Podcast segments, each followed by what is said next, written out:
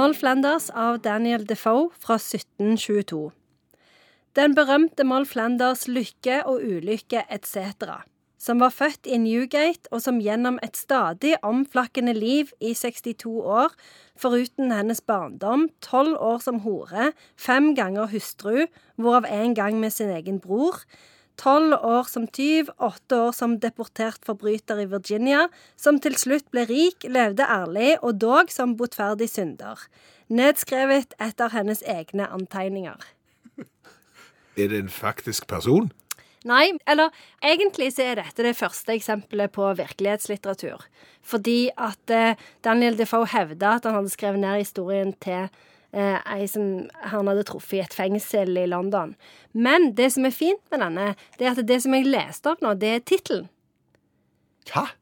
Alt dette er tittelen på boka. Så dette, når vi sier at den heter Moll Flanders, så er det bare fordi vi ikke orker eller klarer å huske alle de detaljene som er lista opp. Så dette er en bok der det egentlig holder å lese tittelen, og så er du ferdig? Nemlig. Jeg ble litt opphengt i huset og var gift. Hvor mange ganger var hun gift med bror sin? Ja, Hun var gift bare med én gang med broren, men hun var gift fem ganger, da. Ja. Eh, Altså Hvis jeg hadde møtt et menneske med en sånn en CV, Ja. så hadde jeg hatt veldig lyst til å bli litt bedre kjent med vedkommende. Så jeg får lyst til å lese boka. Ja, ja, ja. Men det som er det at det, For den er jo fra 1722. Og hun, Moll Flanders hun fremstår egentlig ikke som en sånn en eh, gjennomført karakter, da. Eh, så det er mest en sånn For det første så er det en pikaresk roman. Hva er det? Og det betyr at det er bare mange episoder som er satt sammen i en sånn stor fortelling, uten at de egentlig nødvendigvis høres veldig sammen. Eh, og så er det òg en moraliserende roman.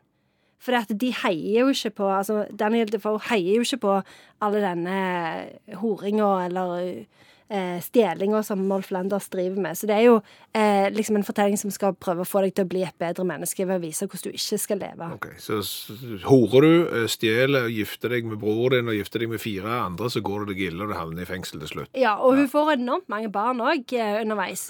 Men de setter du liksom vekk. Du mister litt oversikten hvor de forsvinner hen, men de forsvinner litt underveis. her var det en til.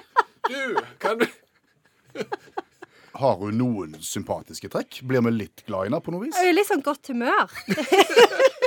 Ja, ja. Ja, ja. Nå gifter jeg meg med broren, og, og nå skal jeg ut og hore meg til, men det gode humøret kan du ikke ta fra meg. Det gode humøret mitt får du aldri.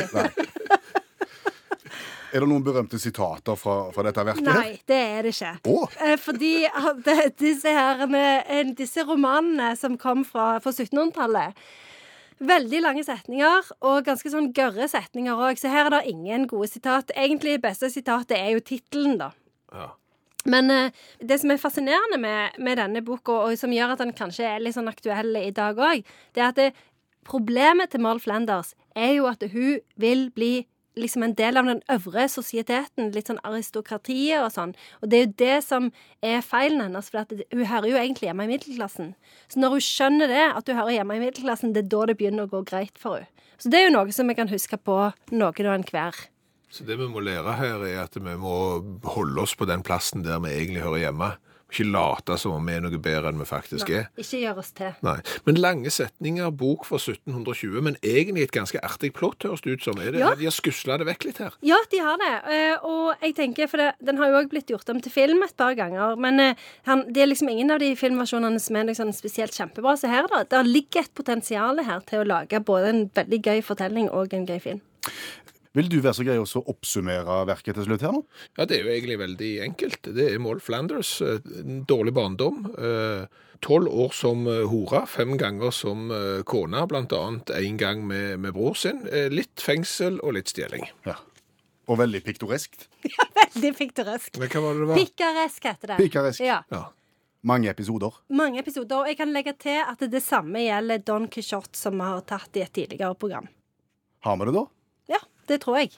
Hjertelig tusen takk, Janne Stigen Drangsholt, forfatter og litteraturviter.